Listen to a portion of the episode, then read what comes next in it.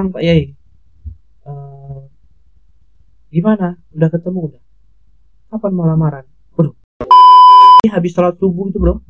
Ini seriusan ini nggak bohong. Habis sholat subuh itu berangkat aku ke sekolah. Sampai di sekolah itu jam 6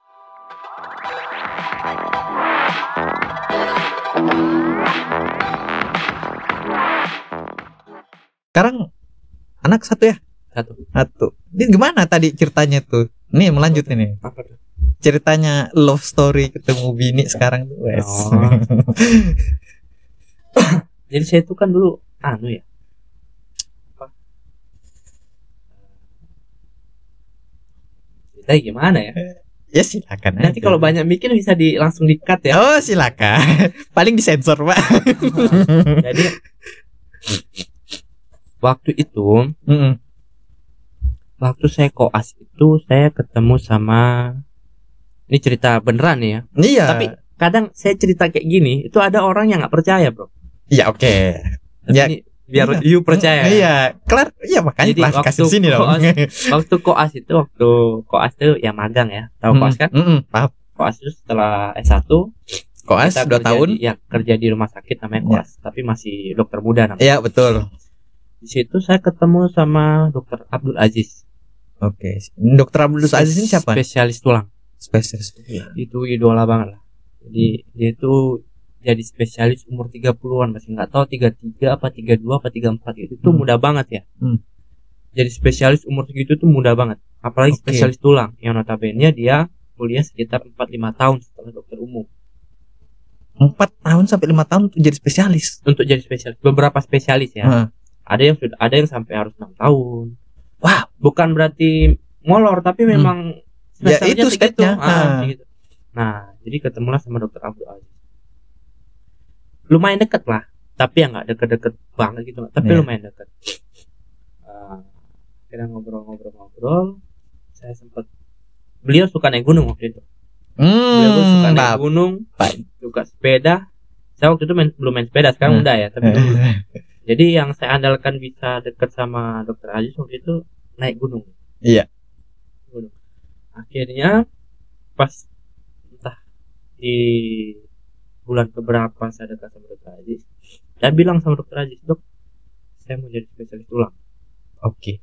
Tapi karena memang melihat beliau, beliau tuh keren lah pokoknya, masih muda, pinter banget, Hmm. kerjanya operasinya cepat dan rapi. Rapi. rapi. Kita tuh kan koas juga ketemu sama beberapa spesialis tulang ya. Iya. Dan waktu internship juga kan bertemu dengan beberapa spesialis tulang. Waktu kita kuliah juga kita ketemu. Hmm. Saya rasa dokter Aziz itu cepat dan rapi. Gitu. Oke. Ada yang rapi tapi agak lama kerjanya. Agak lama. Nah, kalau dokter Aziz ini cepat dan rapi, rapi banget. Hasil Dan masih muda. masih muda, masih muda. Dia tuh kalau kita koas, dia ini kan spesialis nih. Ibarat spesialis kan udah konsulen ya di rumah Hmm. sakit. Tapi kalau dia jalan sama kita bareng-bareng anak koas tuh dikiranya dokter Aziz ini yang koas. Karena baby face dia memang masih Baby muda. face. Baby face Oke. dokter Aziz. Kemudian dokter Aziz lihat dok, halo dok. Eh, Ah, akhirnya Sekarang beliau di mana? di Kebumen. Di Kebumen. Oke. Saya bilang dokter Aziz dok, eh, saya mau jadi spesialis ya, nggak apa-apa. Hmm. Tapi yang saya ingat ini ya, Hmm. ngobrolnya banyak tapi yang saya ingat tuh poinnya itu kamu mau jadi spesialis cuma dua caranya Oke. pertama kamu harus nyiapin dana karena kuliah spesialis lumayan ya Hmm. kita kan banyak pelatihan apa segala macam kedua kamu harus bisa dapat rekomendasi daerah Rekomendasi daerah maksudnya gimana? rekomendasi daerah itu jadi dapat rekomendasi dari suatu daerah kabupaten atau apa untuk kamu sekolah Hmm. mengatasnamakan daerah itu untuk bisa sekolah lagi jadi Hmm. spesialis. Jadi waktu itu saya sempat berpikir, ya waktu itu ya, saya zaman itu kalau mau dapat rekomendasi enak kan berarti harus dekat sama satunya, duanya kan, anggota DPR-nya apa segala macam. Iya. Akhirnya mulailah sebagai laki-laki yang belum punya istri waktu itu ya. Mencari mencari. Sempat beberapa dapat apa eh, yang bisa yang sekiranya bisa memberikan rekomendasi itu tapi pas waktu internship eh, waktu pas banget mau selesai itu Hmm? dan pas memang waktu itu di masa waktu itu aku tuh karena mau pulang tapi belum spesialis Iya. gitu loh Hmm. tapi ini mau ke mana udah mau selesai tinggal mungkin tiga minggu lagi udah selesai internship udah dapat gelar dokter Iya. akhirnya eh, ibu itu nelpon Ren ada Pak Yai jadi guru ngaji yang dari sini datang ke Ponorogo Ah, datang ke Ponorogo. datang ke Ponorogo dia ziarah makam waktu sama Pak 01 yang sekarang Oke. waktu itu saya nggak tahu kalau beliau itu datang dengan Pak 01 yang sekarang Itu kejadian tahun 2019. 19 kayaknya Nah, ya oke. Sip. 2019 2020 Ya, intinya belum sebelum Covid lah ya.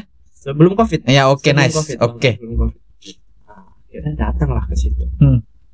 datang ke situ ketemu niatku waktu datang tuh karena Ketemu sama Pak Yai. ketemu sama Pak Yai terus ada saya lihat Pak 01 Heeh. yang sekarang kesempatan mau minta jadi waktu kepikiran sudah ah gimana caranya nih buat punya rekomendasi ya dari daerah jadi pas ketemu lihat begitu wah ini aku tuh mau minta rekomendasi. Aku mau bilang eh Pak Haji kalau nanti udah jadi saya mau minta rekomendasi sekolah lagi. Mikirnya gitu awalnya. Iya. akhirnya ngobrol-ngobrol-ngobrol-ngobrol tanya lah sama beliau kan. Hmm. Mas apa, apa kerja di, di sini kerja? Saya bilang pengabdian di Insya Allah berapa bulan lagi udah selesai. Hmm. terus mau ke mana? Pulang sudah nikah katanya kan. Nah, belum belum nikah. Belum nikah belum punya apa akhirnya ditawarin lah akhirnya ya itu jadi istri sekarang Nah, maksudnya ya oke, oke, oke.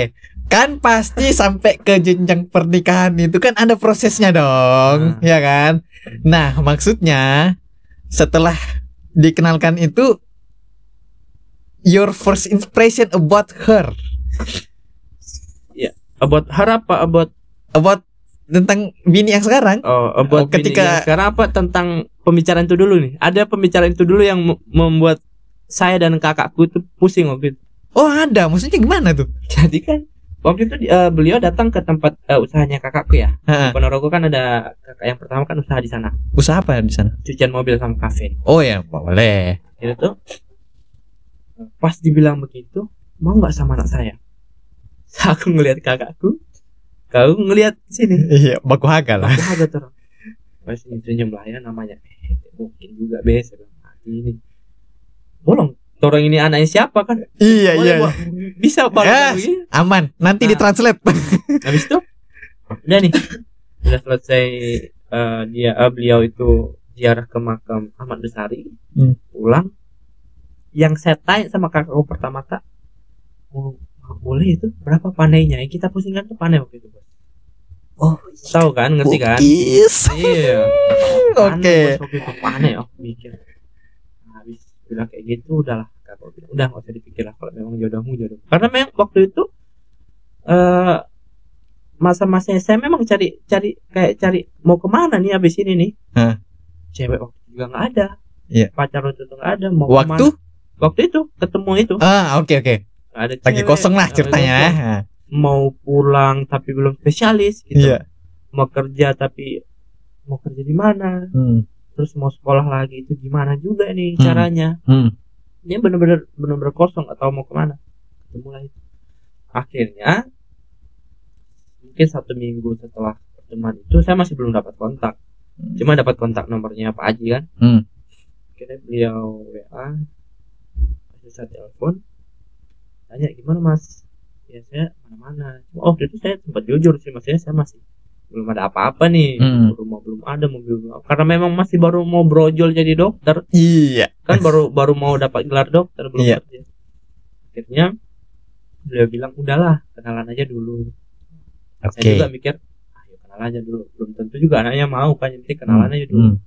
kenalan WA WA WA WA biasa WA Iya. kayak biasa aja Iya. WA biasa akhirnya tanggal 8 Maret itu saya kan selesai itu tanggal 6 Maret tuh internship.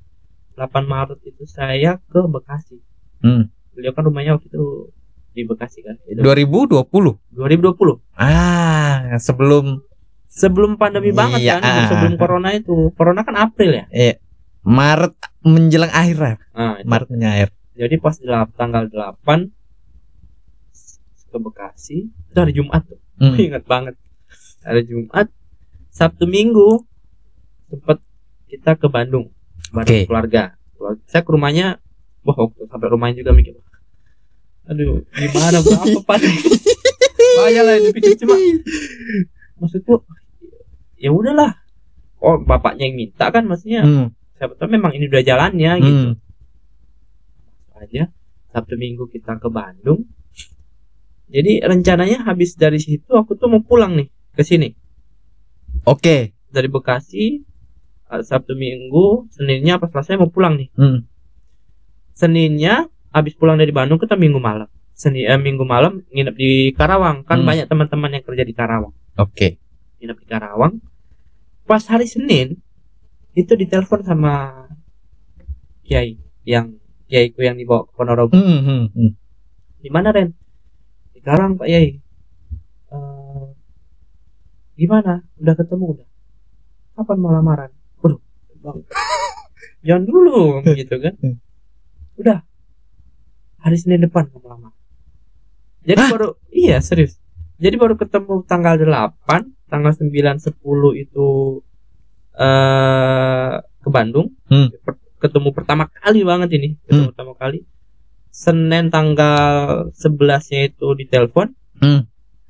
terus Rabunya saya balik lagi sama dia cari cincin untuk tunangan tanggal 16 Maret 2020 kita tunangan Wow. dan itu kalau aku cerita tuh banyak nggak percaya bro Wow, wow, wow, Nah. wow. jadi ba- baru ketemu pertama kali sama calon ya Hmm. satu minggu kemudian langsung lamar Wow. tanggal 16 Keren ya? What the kayak cerita FTV makanya jarang orang percaya makanya tiba-tiba saya update di mana Instagram di Eh. Facebook tuh kok tiba-tiba it, it seems like unbelievable story, right? Ya, iya begitu kayak begitu jadi dari situlah saya mikir oh ini oh, udah ini jalannya lah terserah nanti mau panennya waktu itu kan tetap masih mikirin panen Iya, iya, iya. panen berapa udah lah ini jalannya lah. memang ini istriku nanti terlepas dia anaknya siapa ya memang ya yang memang dipertemukannya kayak gitu bro Hmm. maksudnya nggak mungkin juga kalau dipikir-pikir waktu orang tuanya nawarin oh saya nggak mau kan nggak mungkin juga Hmm. akhirnya pas ditawarin berlanjut berlanjut berlanjut sampai tunangan Iya. Eh, santai, santai. sampai nikah cuman nikahnya agak lama karena pandemi Oke, jadi nikah kemarin Oktober Oktober 2020. Ya, nunggu pelan-pelan landai dikit lah ya waktu waktu saat itu. Nikah di sana, di Bandung akhirnya di Bandung akhirnya. karena Resepsi di sana juga. resepsi di sana. Ya, nggak salah sih. karena susah juga di Jakarta nggak bisa Hmm. mau mau ke sini juga waktu itu kan banyak peraturannya kan Iya. kadang boleh kadang enggak Mm-mm. akhirnya di Bandung Eh, bos, di sini lebih ketat. makanya Iya. ya kan bolak baliknya itu loh Ada teman kita itu waktu saya datang ke nikahannya kemarin. Di sini kan? siapa tuh ada di sini Eh, enggak, enggak. ada di ruangan ini oh, Enggak ada, enggak ada. Oh. Orangnya di Morwali sekarang. Oh. Orangnya di Morwali. Ah. Nakes juga. Mm-mm. Nah, sangkatan kita. Hmm. Hmm. Ya bikin lah pesta kan. Pasang foto booth. Dibubarin bos, dirubuhkan tuh foto booth. pas pas lagi naik naiknya corona Itu dari tahun lalu, tahun lalu tapi belum naik-naiknya corona di sini. oh. Sebelum naik-naiknya corona itu bulan berapa itu ya? Antara 5 atau 6 kalau nggak salah, lupa saya. Pokoknya sekitar itulah. Itu susah banget memang aku aja dari Jakarta nggak bisa Hmm. terus cari yang deket-deket di Jakarta itu kan di Bogor Hmm. nggak bisa juga Akhirnya Dari Bandung. Bandung oke lah. Bandung itu oke karena tempatnya outdoor Oh, outdoor. Oke. tempatnya outdoor bukan gedung Hmm. terus kalau di Bandung tuh kan ada yang bukit-bukit kan Hmm. banyak bukit-bukit Ya suasana alam lah. Iya, tempat tempat nikah aku tuh nggak di kota nggak di tengah kota agak Oh, ke agak atas. kalau di Bandung kan kayak banyak kayak begitu kotes yang di di pedalaman Hmm. begitu nah itu nikahnya oh, kemarin di situ. oh gitu ya. jadi order jadi satgasnya waktu itu aman asalkan benar-benar undangannya nggak banyak Jadi undangannya nggak banyak waktu nggak itu. banyak kan biasa kalau undang kalau di sana kan seribu gitu gitu kemarin cuma empat ratus 400 ya. Yang penting jadi lah. Penting jadi. lo budget bro enak waktu nikah waktu Eh. corona itu Eh, dikit oh gitu. biayanya Eh. iya dikit biayanya baru banyak diskon bro Eh? banyak diskon Oh iya waktu itu Hmm. dari segi tempat juga. dari segi tempat Iya. dan karena sudah pandemi jarang ada yang berlibur kalinya Hmm. ada yang bikin acara begitu di anu diskonnya banyak Iya. Kalau gitu saya nikah pas pandemi aja nanti. iya tunggu pan janganlah jangan Jangan. Jangan. Wow. Maaf Pak, saya juga belum pernah ke Bandung. Jadi Hmm. Bapak tadi cerita itu ya theater of mind lagi lah di otak saya, Pak. order Kalau ya, order waktu kalau saya kalau Jawa Jawa itu sudah Surabaya udah. Jogja Hmm. udah sama Jakarta. Semarang, Bandung itu belum ke sana saya. Lu ke Bandung lah belum nikah kan Ah, iya belum. Bandung cantik cantik Hah? Bandung cantik Ada rekomendasi? Nggak ada lah Oh, ada. saya Dari saya situ gede lah. saya gedein channel dulu nih ya biar banyak orang notice ya. jangan Bandung Bandung Iya. enak banget nikah di sana lumayan lah lumayan outdoor outdoor waktu itu kan, Outdoor jadi- ya. Hmm. Dan jadi aman ya Dan alhamdulillah semua proses sampai ke jenjang pernikahan itu terlewati dengan mulus meskipun ada tantangan ya kecil lah ya. mulus sih lancar banget sih Ya. cuma waktu itu memang ke eh, rintangannya cuma ya pandemi itu kan semua juga ngerasain ya Mm. dan waktu itu menurut, menurutku saya lebih beruntung karena eh, tidak banyak tekanan dari keluarga harus cepat-cepat segala macam Iya. jadi benar-benar tunggu sampai corona sudah benar-benar bagus itu kan ada psbb satu dua tiga segala macam itu Iya kan. betul. Nah, itu yang bikin banyak orang-orang tuh dipaksakan tetap di tanggal itu ternyata nggak boleh benar-benar nggak bisa Mm. akhirnya nggak jadi resepsi Akhirnya ketemu di Oktober. Oktober tanggal 4 Oktober 4 Oktober 2020. Jadi posisi bini di mana? Di rumah. di rumah Di rumah. sama Wah, anakku yang ganteng itu. Mantap. jadi mau dibawa ke sini cuma tidur dia jadi Ya, jangan kita juga minder bos tempat serana ini. keren loh ini keren ya sini keren keren banget Jadi em, kita nanti cerita setelah rekaman aja lah ya eh, tentang misinya kita kenapa sampai bangun se, se- sampai seniat ini sampai nantilah kita bahas di luar aja di luar aja Nah, karena kata orang apa don't don't don't tell don't tell people your goals show them jangan kan jangan mereka, se- eh. takutnya mereka niru apa gimana eh saya nggak masalah sih kalau Oh, niru gitu ya? nggak masalah nggak apa-apa kan Iya. biar lebih banyak Ah, iya kompetitor kita lebih Mm-mm. bagus Nggak lagi apa-apa nanti. ya. Karena gini bos, meskipun eh ini di bapak juga sih sebenarnya diterapin juga sih. Ide tuh meskipun banyak itu nggak apa-apa.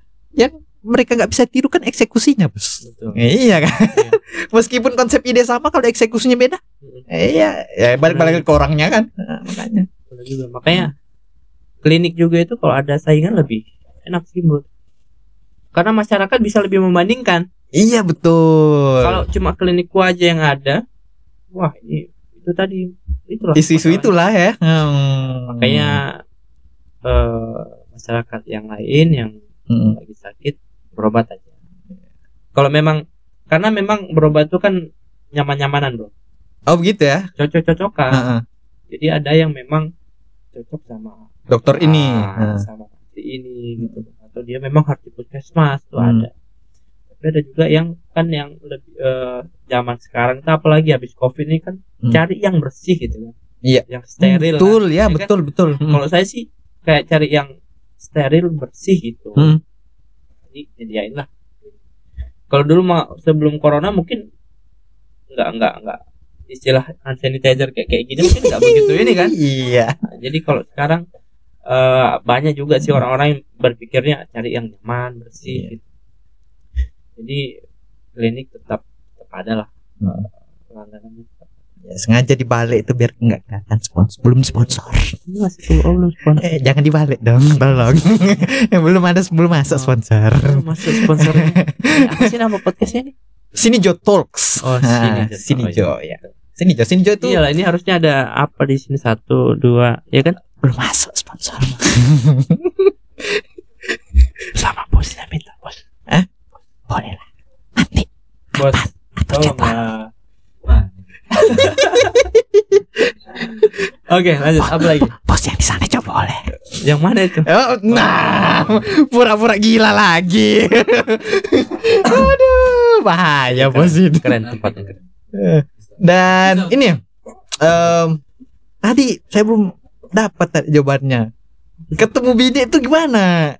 Impress impresinya gimana tuh waktu bertemu pertama kali tuh Masih gimana nih? Ketemunya gimana nih? ya maksudnya kan dikenalin Hmm. Hah? kan belum lihat orangnya nih Oh, meskipun gitu. udah tektokan di WA kan Ah, ah, ah. kan ketemu dong nah gimana oh kayaknya ini udah jodohku nih Eh, biasa sih bro kayak kayak ketemu cewek cuman cewek-cewek yang pernah pacaran gitu cuman Mm. waktu itu banyak yang bilang mirip. Mirip apanya? Muka. Oh mirip mirip buka ya nggak Ran? banyak yang bilang. Kayak ini juga bilang deh. Heeh. Orang. Kalau saya nggak ngerasa mirip. Heeh. cuma orang banyak bilang nggak tahu juga mereka mungkin bahasa basi ya. Tapi banyak bro. Hmm. yang bilang mirip. Wajah Hmm. kita berdua itu mirip. Hmm. jadi waktu itu ketemu ya sudah biasa. Cuman satu satu yang satu yang apa yang bikin saya agak sudah yakin tapi lebih yakin lagi Hmm. itu setelah eh, mengingat ini setiap keputusanku untuk melakukan suatu hal itu selalu ada pertimbangan dari Pak Yai tadi itu Pak Yai itu Heeh. itu guru guru ngajiku dari kecil itu. Heeh. jadi dia ngajarin ngaji dia ngajarin komputer bro Hmm. beliau kan pintar komputer lumayan pintar lah Iya. dia ngajarin komputer jadi setiap keputusanku mau pindah ke Jawa Hmm. pasti beliau juga yang mempertimbangkan salah satunya Hmm. selain orang tua Hmm. terus dulu kan antara dua saya kalau nggak masuk akpol kedokteran oke nanti tuh ya nah itu eh untuk akhirnya memilih kedokteran juga beliau ada pertimbangan beliau juga Hmm. saat waktu nikah ini pas ditawarin sama babenya istriku sekarang Hmm. itu juga ada beliau gitu dan beliau juga bilang "Ya, Dan kalau memang itu ini orang bapaknya yang minta kok bukan kamu yang ngejar Hmm. jadi nggak apa-apa silakan aja dicoba kalau memang kalau memang jodoh ya bisa nikah belum tentu juga kan anaknya mau pada saat itu ya waktu Iya, yang malam-malam iya, itu oke. ya. saya Hmm. juga mikir gitu oh, belum tentu anaknya juga mau kan Hmm. ya alhamdulillah nikah nggak nggak ada rintangan-rintangan yang berarti apa segala macam sampai punya anak Hmm. ya memang dan dan pernah nanya enggak kalau ke bini waktu ketemu dirimu itu gimana? Saya pede aja sudah. Beda aja. Jadi waktu itu kali aja dia punya alasan sendiri kan? Nah. bisa jadi ya? Eh. belum tanya nih aku nih. Eh tanya dong. Wah iya. jangan-jangan dia punya Iya, ke- barangkali dia bilang oh ini jodohku dan ini. Oh, iya, iya, iya dong. Iya dong. Iya dong. Tapi pede-pede sih waktu Eh, pede iya. aja cuma ya itu gara-gara pertimbangan tadi itu yang oh setiap tindakanku mau ngapain yang penting-penting dalam hidup tuh ada pertimbangannya Yai oh jadi dari situ ya salah satunya Heeh. salah satu yang tambah bikin yakin lagi Hmm. Hmm. cari yang sama mukanya Oh, Ya gi- udah berarti Cari yang sama mukanya. katanya bro Oh, berarti beneran. bule tuh. emang kamu bule Muka aku ya bule. oke lah iya, iya, iya. mudah-mudahan cepet ya Ya amin lah semoga. Mondanya, Pak. enak, enak banget punya punya istri enak Hmm. Tapi setelah punya anak itu lagi capek-capek kerja iya Ran ya lagi capek kerja Hmm. jadi kerjaan lagi banyak banget pikiran tiba-tiba kita pulang terus dia senyum aja Lihat baby face ya. waduh hilang capek beneran Iya. menarik, menarik, menarik. Jadi waktu waktu em, sebelum kuliah, Hmm. sebelum kuliah itu take decision, oke, dokter itu dari Pak ya juga, atau udah ada pertimbangan sendiri awalnya? jadi waktu itu ada dua dua pilihan untuk untuk lanjut Hmm. setelah SMA pertama itu akpol Iya. kedua itu kedokteran Hmm. untuk alasan kenapa jadi ada dua pilihan itu agak panjang banget sih intinya kalau akpol itu yang melihat ada kan eh, salah satu anak badan? Toili, Hmm. anak Toili yang Hmm. sudah masuk akpol dan berkarirnya bagus kan Hmm. kalau tinggi badan cukup bro Oh, cukup, cukup terus kedokteran itu waktu itu historinya waktu SMA kelas 2 kan di Hmm. Jawa nih SMA. Hmm. semester liburan semester satu kedua Hmm. terus saya ke Jogja di Jogja itu ketemu sama namanya Tante Ratna Hmm. beliau spesialis mata di umur 20 9 apa ya? Hmm. 29 atau 30 gitu. Oh, muda banget. Karena waktu itu pas zaman beliau masih kuliah kedokteran tuh masih bisa semester pendek tuh. Oh dulu ya. Ya, dulu masih bisa. Kalau sekarang udah nggak bisa. Dari Iya. tahun berapa gitu aku lupa. Memang, memang. ya kan nggak Hmm. bisa. Jadi ada blok-bloknya. Di jurusan lain juga nggak bisa. Udah nggak bisa ya? Nggak bisa. Di negeri terutama. Nah, semester pendek itu udah nggak ada. Nggak ada, ya. nggak ada. Dulu kan masih ada tuh. Dulu. Hmm. Jadi 29 tahun, 30 tahun spesialis mata loh. Jadi kalau kita mau hitung-hitung dari pertama kuliah sampai ada gelar dokter umum itu kan sekitar 6 tahun setengah sampai 7 tahun. Hmm. Spesialis mata itu kuliahnya kurang lebih 4 tahunan atau 5 tahun. pas ya. Iya. Ih, Dan itu gila. berarti dia mulai kuliah itu umur belasan banget kan? Iya. Atau enggak memang kuliahnya cepet. Mm-mm. Jadi 29 atau 30 tahun itu mudah banget. Dari situlah aku mau kedokteran. Oh dari situ ya. dari tante Ratna itu karena Hmm. dokternya eh, suaminya juga spesialis bedah Hmm. dia sempat ngobrol tanya gimana cara caranya jadi kedokteran Hmm.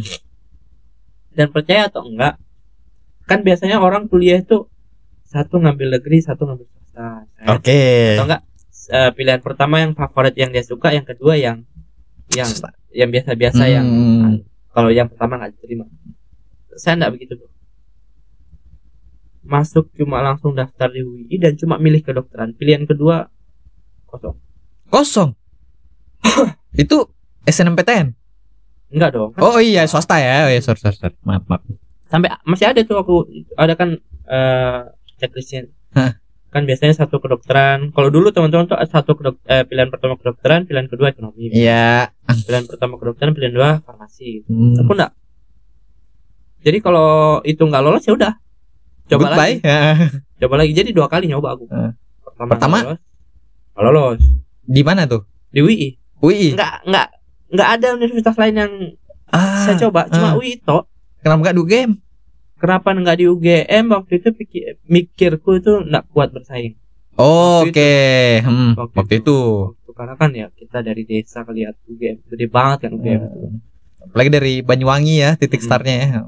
jadi nggak kuat Hmm. otak itu kayaknya nggak kayaknya nggak mampu bersaing waktu itu ya mikirnya terus kenapa nggak swasta lain karena waktu itu ketemu sama salah satu mahasiswa kedokteran di UI itu bilangnya saya tanya kelemahannya UI apa? Kelemahannya UI ini.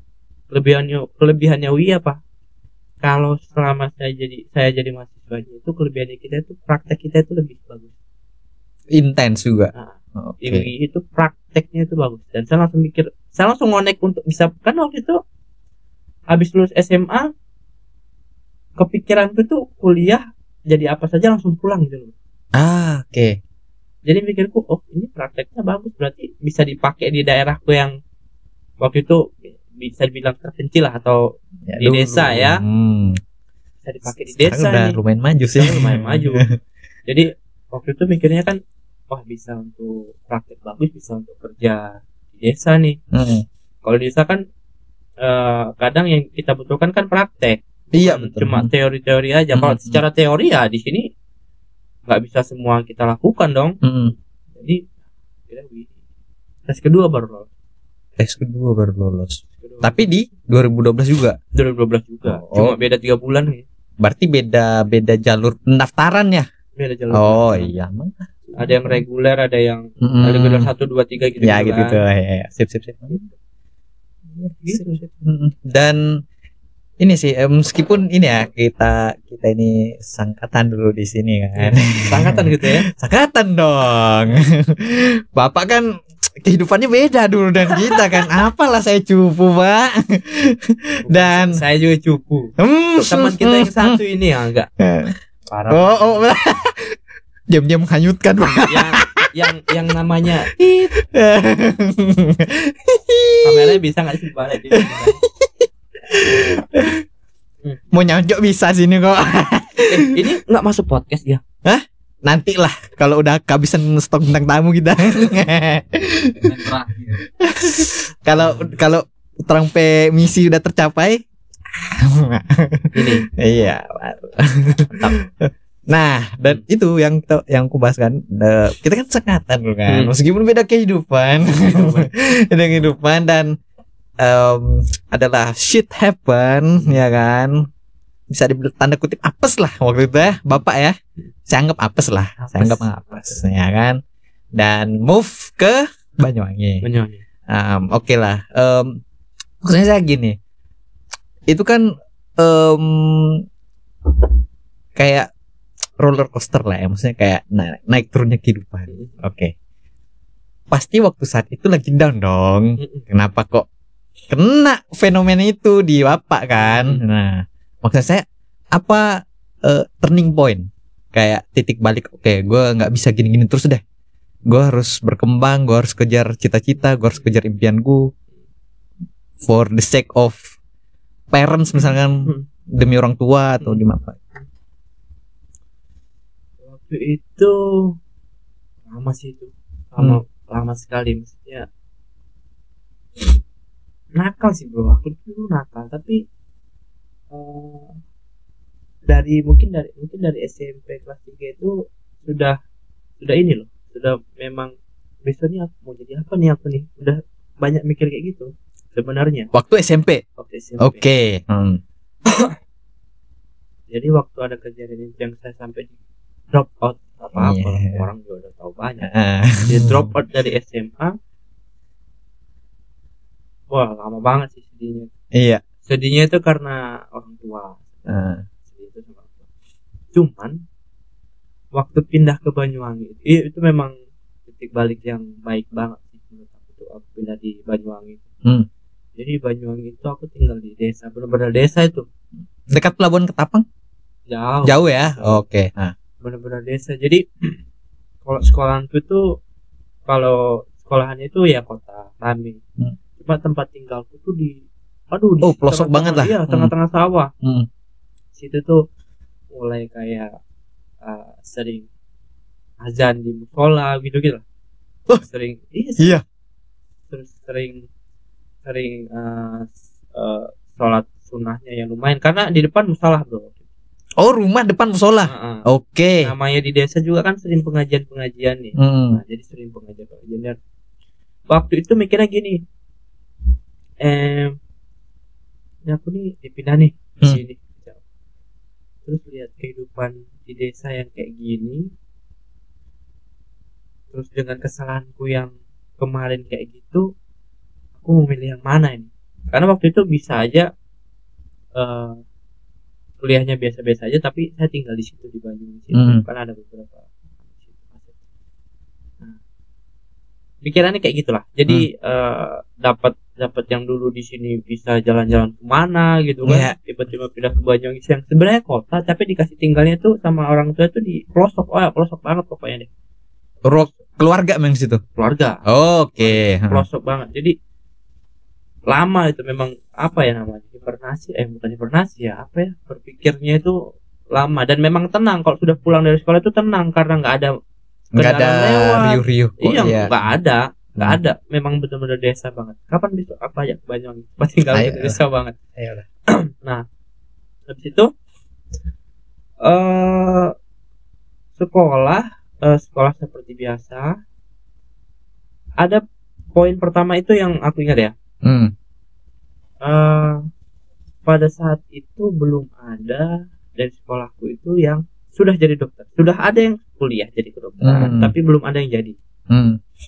Kedua waktu saya sempat dititipkan sama salah satu guru matematika yang beliau sekarang sudah S3 alhamdulillah Pak Mukson namanya Hmm.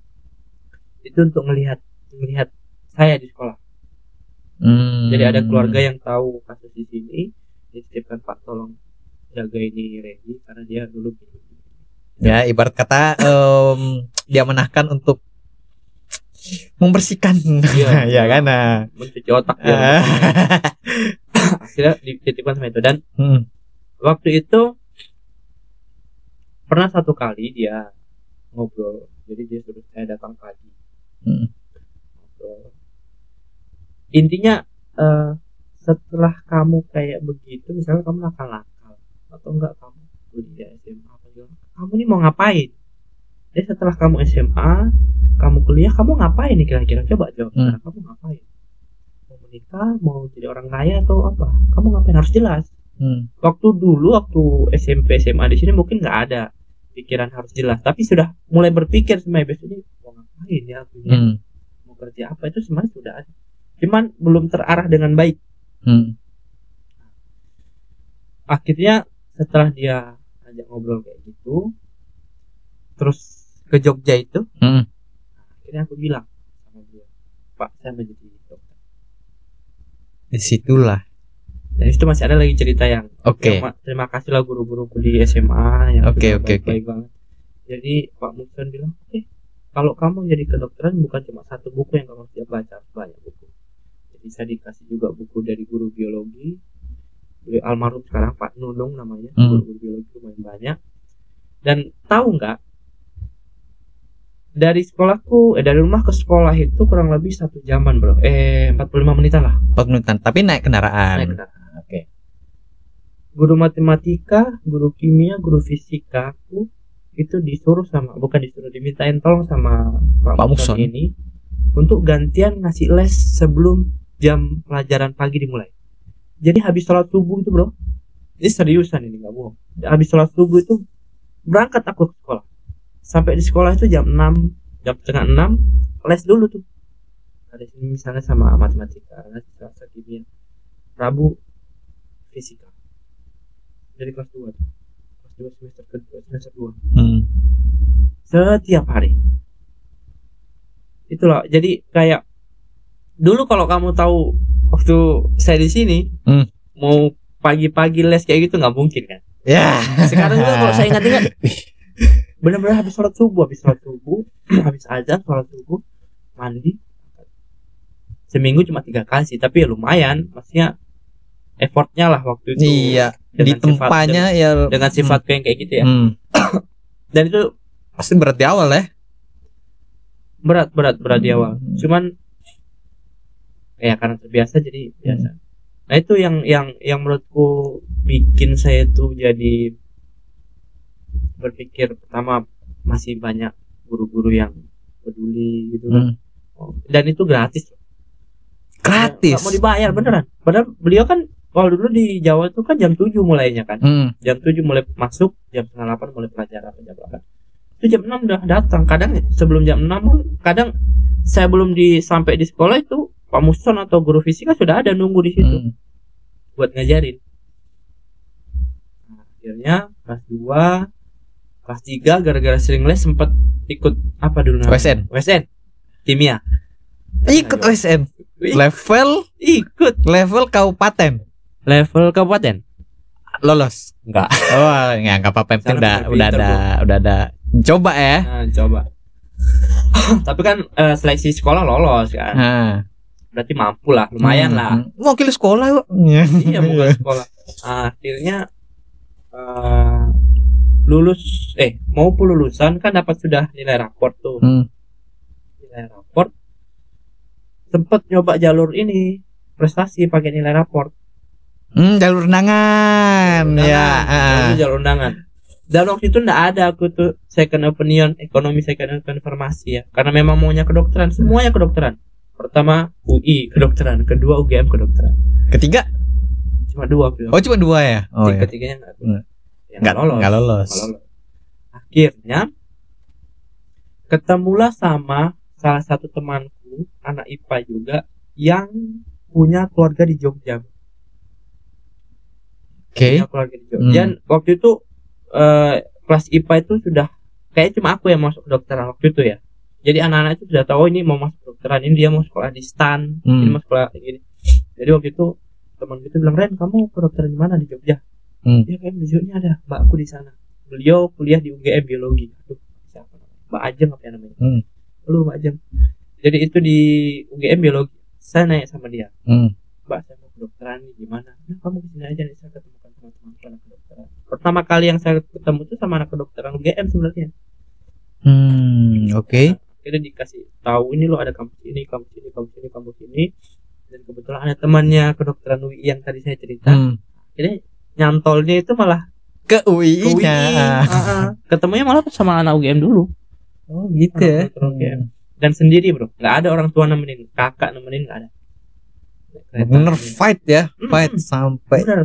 sampai cari kos kosan nanti bapak ibu datang itu Pas lulus enggak eh, bapak ibu Atau- iya ya kayaknya pas lulus Oh, kuliah. enggak, enggak, enggak, pas pertengahan ada kok Oh, pertengahan pertengahan ada tapi pas dari mendaftar datang sampai kuliah gitu sendiri. Hmm. Jadi- ya lumayan lah. Nggak nggak begitu bagus-bagus banget ceritanya tapi lumayan. Long story yang Hmm, oke ini lumayan. inspiratif menurutku. Karena gini eh, tapi eh, saya nanya dulu lah em, orang tua pasti bangga sekarang kan? Alhamdulillah dan dan and that's what I believe. Kenapa saya percaya bahwa em, people seburuk-buruknya dia masa lalu atau secemerlang cemerlangnya masa lalu yang nggak lihat masa lalu. Yang dilihat sekarang dan ke depan. Kita menjadi apa gitu kan? Makanya itu saya kalau kalau em, kenal sama orang dan entah nanti masuk ke circle apa enggak saya nggak peduli masa lalu. Nggak peduli saya. Yang saya lihat sekarangnya dan masa depannya dia mau ngapain? Dan kalau dilihat-lihat memang dulu pas SMA SMP memang tidak mungkin saya. Saya juga waktu kuliah kedokteran pertama itu belajar dari jam 10 malam kan saya tuh kan bisa berpikirnya malam ya. Yang anak nokturnal Iya. ya terus gak gerak-gerak yang kinetik Mm, itu eh. jadi biasa eh, belajar jam 10 malam jam 9 nanti sampai jam 12 istirahat sebentar sampai jam 2 jam 3 tuh awal-awal. Hmm. karena itu waktu masuk ke dokter kayak mikir "Eh, bisa nggak ya? Gitu gitulah Hmm. dulu kayak gini bahasa Inggris dulu kan aduh, lepotan ya jadi eh, sempat sempat ada rasa-rasa nggak bisa eh, nggak mampu awal-awal. Cuman eh, kembali lagi kalau saya sudah dikasih long story yang kayak begini dengan kasus yang lalu saya dikeluarkan dan akhirnya saya dikasih les sama guru-guru kan Hmm. terus bisa diikutkan WSN apa segala macam cerita-cerita yang tadi Hmm. mampu deh kayaknya Hmm. Dan- setelah sekarang jadi dokter juga sempat berpikir dulu kalau saya tuh di sini terus maksudnya nggak Hmm. nggak ada kejadian itu juga mungkin mungkin nggak akan jadi dokter deh nggak akan nggak akan jadi dokter. Atau nanti kerja di mana. Ya memang itu ceritanya ya memang harus seperti itu. Pada saat Iya. itu harus harus pindah dulu. Iya. harus itu sempat masuk mau masuk pesantren juga bro waktu itu. Di di Banyuwangi. Banyuwangi dipindahin tuh dipindahin ke Banyuwangi itu mau dimasukin pesantren. Awalnya. udah jadi tapi? Nggak jadi. Gak kuat. Nggak kuat. Iya. Begitulah. Sebut merek eh nggak apa-apa lah kalau sekarang siapa tahu nanti. Apa bro. Harusnya itu merek ada apa tuh? Masukin aja dulu. Mungkin dia lihat oh, kayak bagus. Gimmick-gimmick ya? Iya. Kayak ini nih. Ini kan ada tulisannya. Ada. Yang dibuka mereknya ketahuan. Iya. ketahuan modelnya. Oh ini merek ini nih. Ini ada nih ya ya bisa ya. dipotong.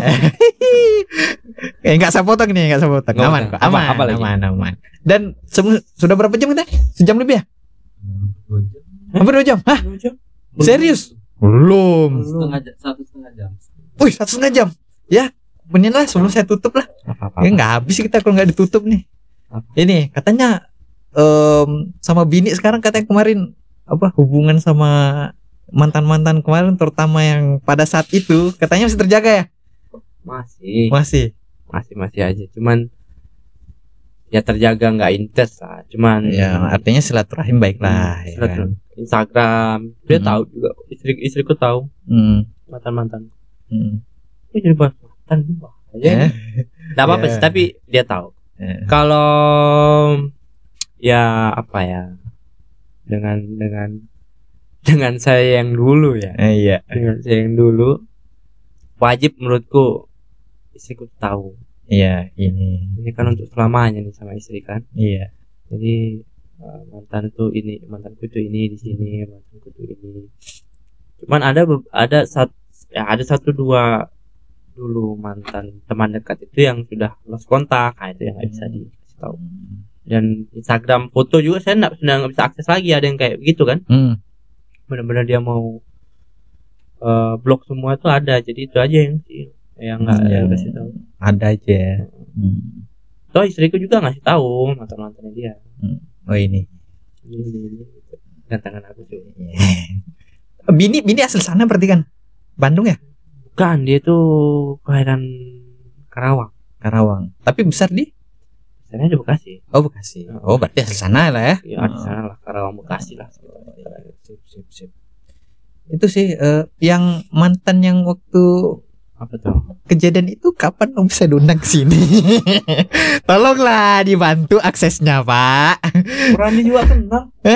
Iya tapi kan sama bapak yang dekat. Masalahnya mau apa? Apa? Masalahnya enggak?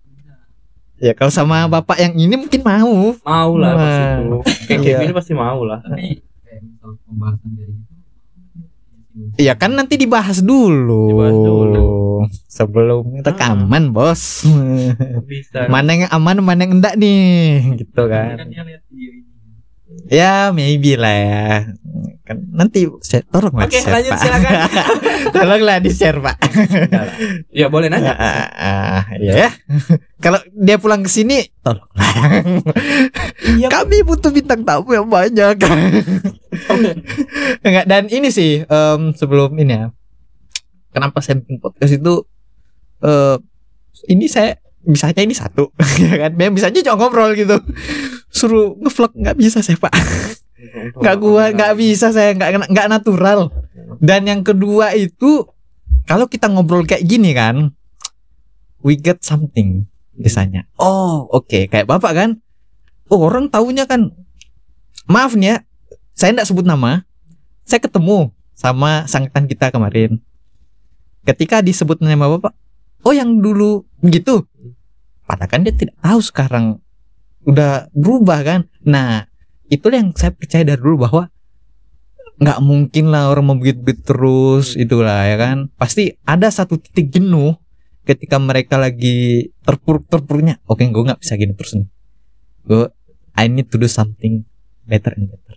satu orang lagi yang ingat ya, kamu ngomongin lagi ingat Aris ya dia itu Aris boleh diundang sini lah itu anak itu gara-gara dia juga itu yang bikin saya itu di kedokteran agak agak semangat. Hmm, saya sama Aris kan 11 12 kan. Hmm, hmm. cuma dia nggak dapat jatah dikeluarin aja dia itu. Iya kan? dia cuma dapat nggak dapat jatah dikeluarin aja. Eh, tapi sepak terjangnya di Jogja nih Aris ini anak si anak kecil itu hmm. keren banget ah jadi gara-gara itu juga yang bikin saya tuh kayak kuliah kedokteran yuk cepat yuk cepat selesai cepat balik yuk. Karena memang waktu itu saya sering ngobrol sama Aris itu yaitu ayo kita kuliah kamu kuliah di bidangmu saya kuliah di bidangku ayo kita pulang bikin apa? Gitu. Hmm. jadi dan dia juga wah nakal banget tuh anak nakal banget tuh. Tapi sekarang, kalau mau dibilang mau menghilangkan sifatnya dia yang ngomongnya ceplos-ceplos kayak gitu nggak bisa tapi sekarang kalau ngobrol sama dia teoritisnya eh, eh, teorinya bagus banget lebih ke filosofis. Fil filsuf filsuf gitu dan dan apa ya bukan Aris yang dulu lah makanya saya bilang anak nakal itu bukan berarti tidak pintar sebenarnya ah. mungkin kita perlu bimbingan yang ekstra aja Em, dan saya mau nambah juga, em, anak nakal itu bukan apa tadi namanya? Anak nakal itu bukan tidak pintar bukan tidak pintar, but they didn't find any spaces to explore their skills. Mm.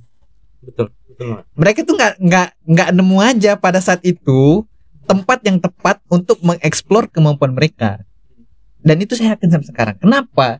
Karena waktu kuliah itu saya itu selalu mempertanyakan sistem pendidikan pak yang ada sekarang.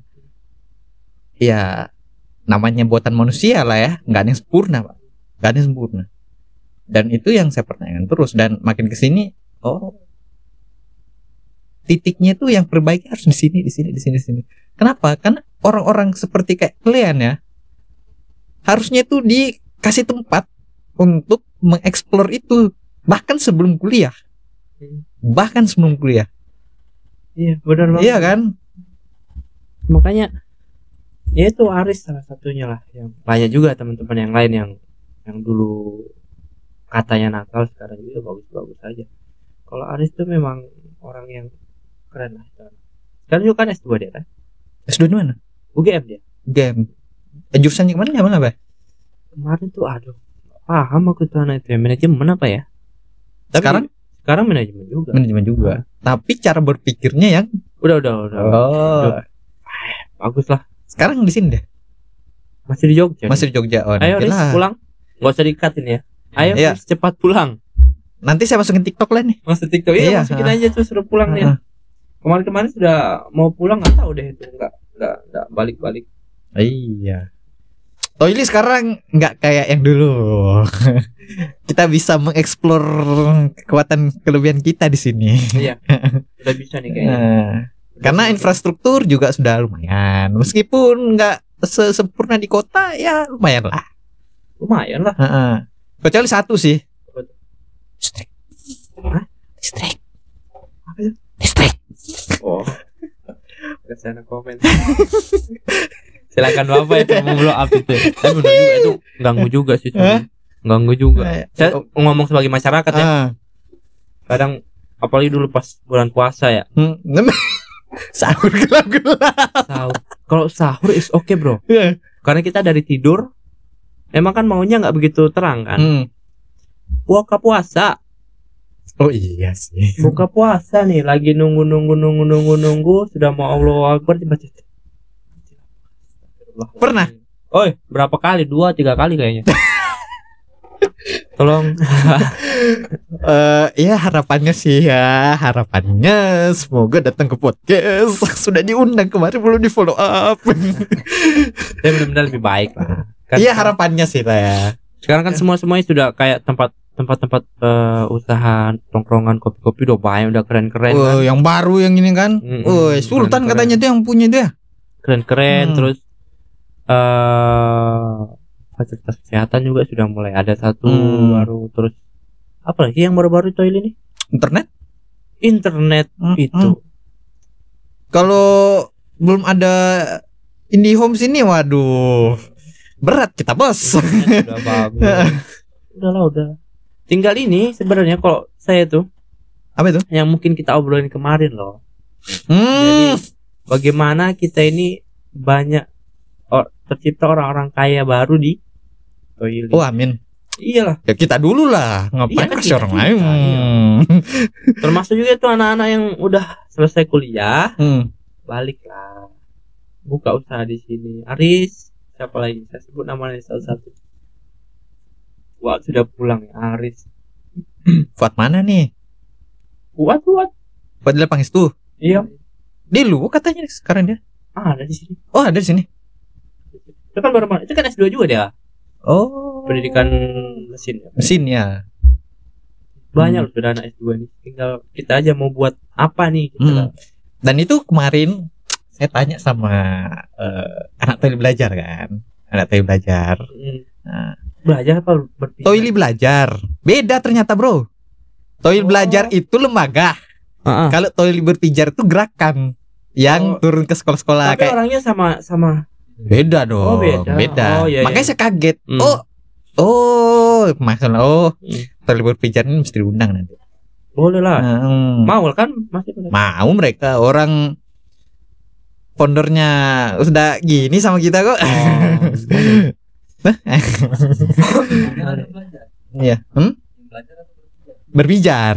Iya. Berpijar. Itu kan kalau berpijar kan kayak kayak seribu guru gitu kan yang turun Hmm. ke sekolah-sekolah. pernah aku ikut tuh kayaknya berpijar itu Ada Saya pengen lagi sih kalau ada. ada Maksudnya ya ada kemarin kan di seribu guru saya tapi di selatan tuh. Oh asik juga ini kasih inspirasi kan anak di pedalaman kan supaya mereka sekolah dan movementnya kalau di seribu guru selatan wih keren sih. Sampai sekarang mereka bikin kayak desa binaan gitu kan. Ketika mereka traveling dapatlah guru SD di pedalaman itu wah kalau di bawah kalau ada di bawahnya kata susah udah itulah banyak bro kayak gitu akhirnya mereka kasih pelatihan pendampingan membuat produk dan apa segala macam sehingga akhirnya taraf kehidupannya naik sekarang. Alhamdulillah. Keren. Seribu guru Makassar kalian keren. Eh seribu guru Sulsel sih namanya sekarang. Sulsel. Sulsel. Oh Sulsel, Nah. Sulawesi Selatan. ya Sulawesi Selatan. Keren kalian keren. Tapi kapan diundang ke tolong Jadi emang lagi cari talent ya kalian. Semakin banyak talent semakin banyak video. Semakin banyak bintang tamu semakin banyak konten. Oh iya, banyak. tapi bukan bukan bukan itu sih. Eh, itu nom- tujuan nomor sekian lah. Iya. tujuan nomor pertama itu untuk khususnya kalau kayak di sini kan artinya kita ngundang orang-orang sini kan. Atau misalkan paling jauh Luwuk lah. Ya supaya orang notice oh ada ternyata orang-orang Toili yang bergerak di bidang ini. Yang sudah memberikan impact ke masyarakat seperti ini nah itu saya pengen jadi medianya mereka. Gitu. Ya kayak bapak sekarang kan nah. akhirnya kita tahu oh klinik itu seperti ini. Dan Vaskes itu tantangannya seperti ini. Gimana cara bangun tim yang awalnya katanya dulu banyak yang kerja nggak sebagai nakes. Iya, banyak. Iya kan? Lumayan. akhirnya kita tahu kan oh di desa. Seperti itu. Gitu ya udah tutup aja. Lah. nggak habis nih topik bos kalau misalnya. Nggak habis obrolan nih. Ya tutup aja. Thank you dokter Randy. Sudah datang sini. Sama-sama.